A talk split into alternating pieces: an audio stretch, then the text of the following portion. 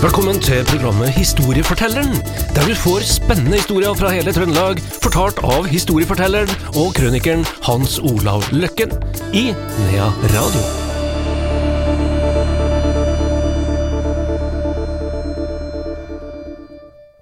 Historiefortelleren her i Nea Radio er tilbake igjen. Eh, velkommen tilbake, Hans Olav. Jo, takk du. Hans Olav Løkken skal nå tas med til Stjørdalen. Vi skal faktisk opp i Haraldreina-området, og det er litt spesiell historie du nå skal fortelle. Ja, det er, eh, det er ikke så lenge siden, eller det er 20 år siden, da. Og eh, vi skal opp i en, eh, en liten dal, et lite dalføre som kalles for Bjørdalen. Bjørdalen og på Bjørdalsplassen. Og det er den gamle ferdselsveien da, mellom eh, de storgårdene som ligger eh, på venstre side når du kjører ut av Stjørdal, på E14 mot Hegra. Der ligger noen eh, store gårder, og den virkelig fine gården der, som heter Mæle gård, det ser ut som et stort slott og veldig flott, og det er en praktgård her med ei fantastisk historie. Og det er akkurat der ved siden av, og bak der så ligger Bygård, som også var en stor gård. Det var jo fem sånne store gårder med fem proprietærer som styrte hele Stjørdal. Og Der eh, gikk det da den gamle ferdselsåra, gikk fra Bæri, nei, fra Bygård og over den åsen til venstre der, da. Og det var det litt logikk i, fordi at Stjørdalselva den har jo gått i hytt og pine gjennom noen tusen år, så den eh, skifta løp ganske så ofte. Og eh, det førte jo, eh, ikke bare på Stjørdal, men også videre oppover dalen, så førte det jo til at eh, du på mange måter fikk en sommervei og en vintervei. På vinterveien så var det jo på isen på elva, men om sommeren så ble du trukket opp i, opp i åsene, og kanskje helt opp på toppen, for, å, for du kom ikke fram nede ved bergene og, og, og på elva da. Og det området man gikk over den her åsen der, da, det eh, fremstår i dag som et fantastisk sånn rekreasjonsområde for eh, befolkningen. De har laga til stier, veier, eh, satt opp eh, litt historie, veldig mye historie tilknytta, fordi at det er sånne utkikksposter. Du kan liksom gå ut på, på en plass her som vi kaller for Nebbet. Og da ser du hele Stjørdal, du ser hele Værnes, ja, du ser Trondheim, altså det er en sånn plass som alle vil opp på. Og bortafor den plassen så er det et skar, og det kalles det jo Skaret, og det er da manndomsprøven. Du, du blir ikke godkjent som eh, ungdom før du har gått opp det skaret.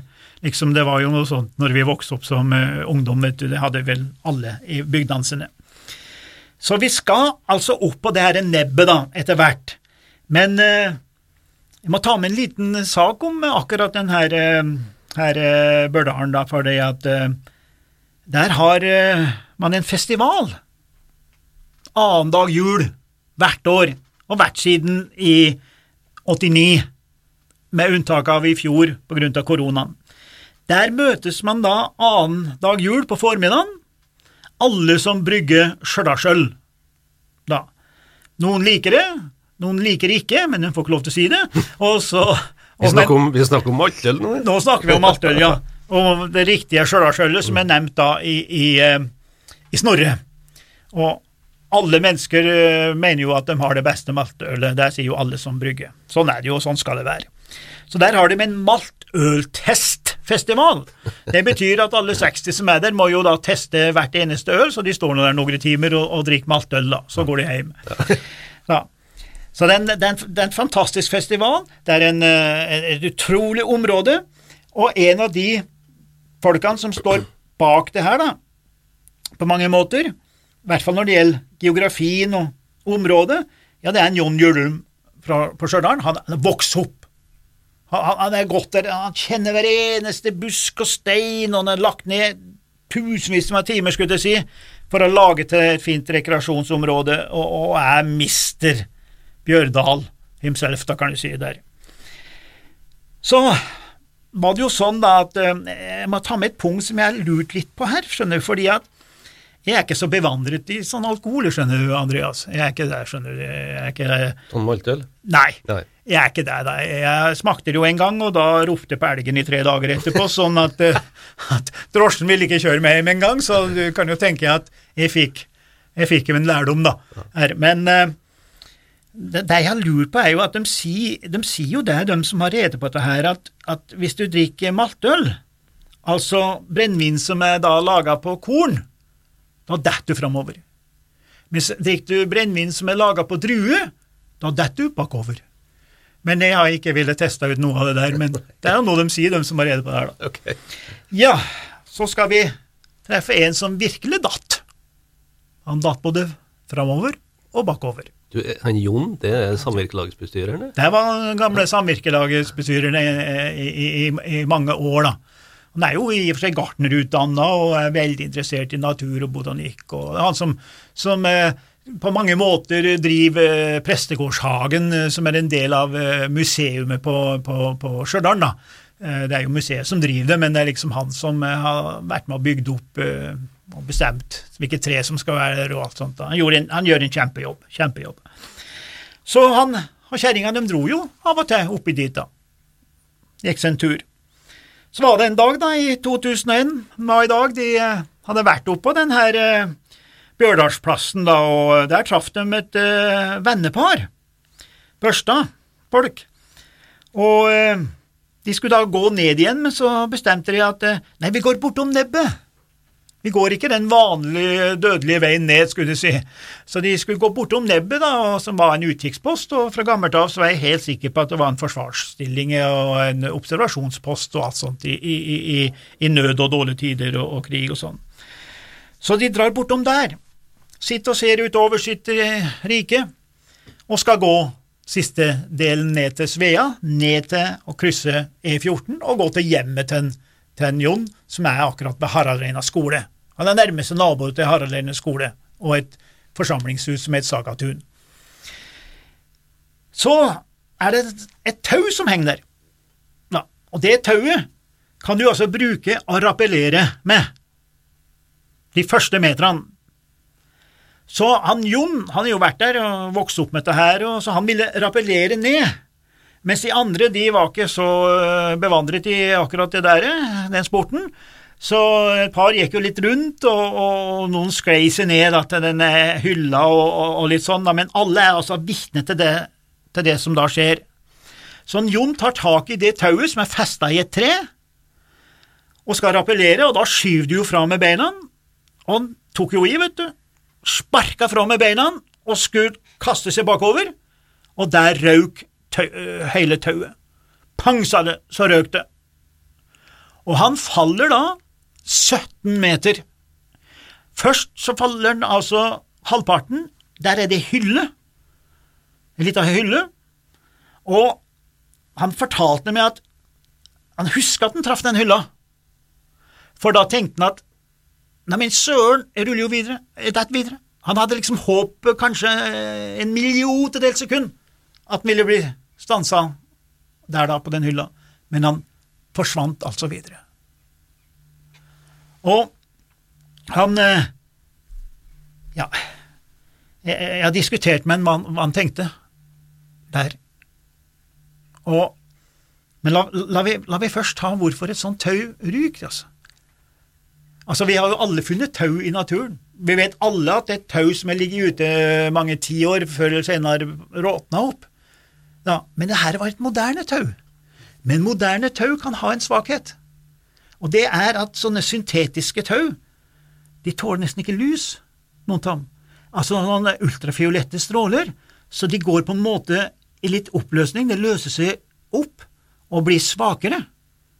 Så det var antagelig det som har skjedd med det her moderne syntetiske saken, og så plutselig bare ryk det. Han Jon fortalte meg, da, jeg har ikke noe rede på det her. Jo da, så han faller der, og han, han, han ser jo for seg sitt aller siste her i livet. Han vet jo hvordan det ser ut nedenfor. Han vet jo at han faller altså utenfor der det aldri går an å gå. Altså, Han skal opprinnelig rappellere bare en tre-fire meter ned, ta tak i tauet og sånn litt ned, og så skal han gå rundt noen store steiner og liksom rundt og sånn, men han vet jo at nå detter han helt ned til 17 meter. Og hva er det første eller siste skal jeg si, her i livet en tenker på? Det har jeg undersøkt med noen folk, jeg. Så jeg har spurt noen av folkene som har vært i gåseøyne død. blant annet min st store sjef når jeg begynte i luftfarten, og som fikk meg inn i og gjennom systemet. Han var Spitfire-flyver og var utsatt for et par stygge ting, og han visste at han skulle dø. Under en enorm nødlandingssystem borti England.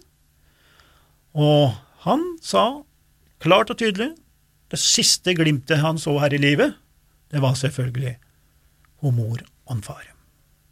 Og jeg har jo snakka med en del andre, og det er nok en tendens til at det er hun mor som er kanskje det siste du ser. Er, jeg tror det er naturlig, jeg tror det er noe som bare kommer. Altså, du, du, har jo ikke tid til å tenke, det er jo ikke noe sånt, men, men noe må være der til slutt. Og du vet du skal dø. altså. Veldig sånn interessant å høre hva, hva, hva, folk som har vært døden nær opplevelser, da.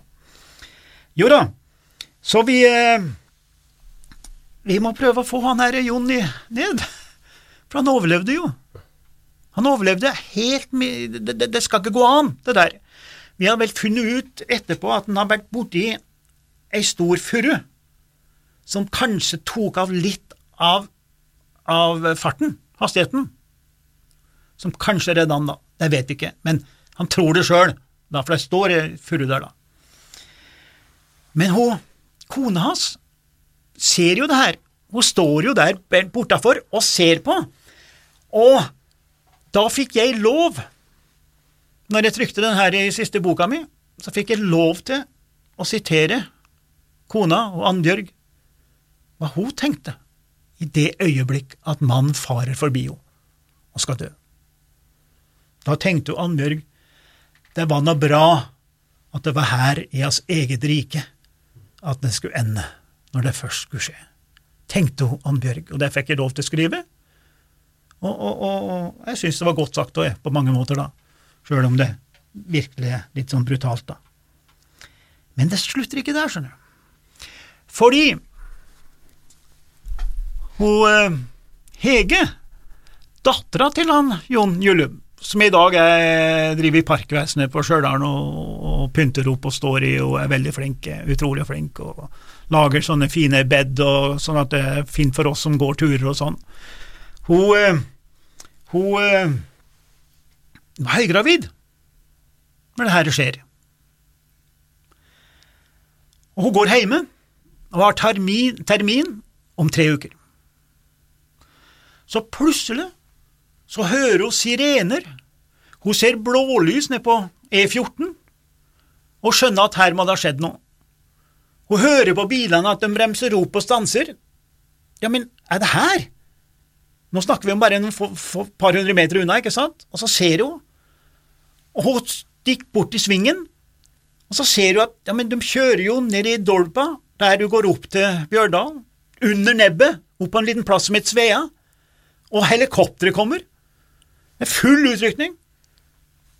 Og hun la sammen to pluss to, og fikk dessverre fire. Det var altså faren. Det visste ikke hun, men hun visste jo at far og mor hennes var på tur og skulle komme hjem når som helst. Så frykter jo. Hun går opp den lille bakken, blir stanset av Helge Holm, som er en av mine naboer, da, som da var utrykningssjef, leder, så nekta å gå opp. For han hadde fått, han var i sambandet, men han har ikke fått tilstand på Jon. Men bare bekrefta at han ligger her. Da, og, og, og, og, sånn, og da ville ikke han Helge at noen skulle gå opp der, og i hvert fall ikke dattera. Den påkjenninga som hun Hege fikk der og da, den var så stor at man regna med at det var det som fremprovoserte fødselen.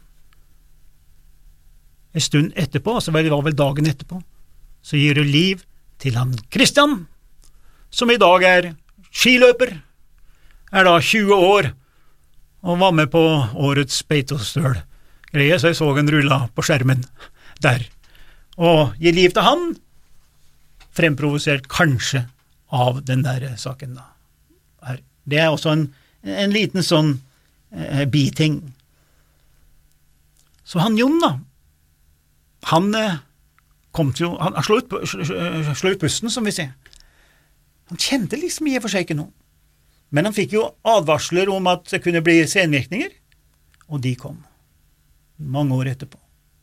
Og det mener han han har i dag. Han går vel fast hos fysioterapeut og alt mulig sånn. Han var jo 64 år når det, det der skjedde da for 20 år siden, så han er 84 nå.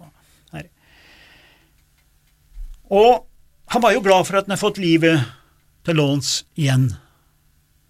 Meget takknemlig, selvfølgelig.